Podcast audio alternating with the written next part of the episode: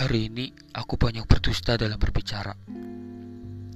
Selalu saja terlontar tanpa akar, seolah-olah tak terjadi apa-apa setelah aku mengucapnya. Tak tahu mengapa ini terjadi begitu saja. Temanya tentang pesona fana dunia. Kusampaikan dengan tatanan seperti kejadian nyata.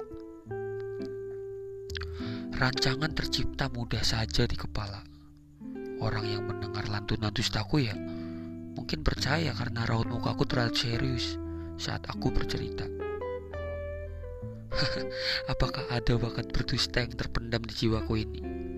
Semoga saja ada sekolah khusus untuk bakatku ini. Semoga saja.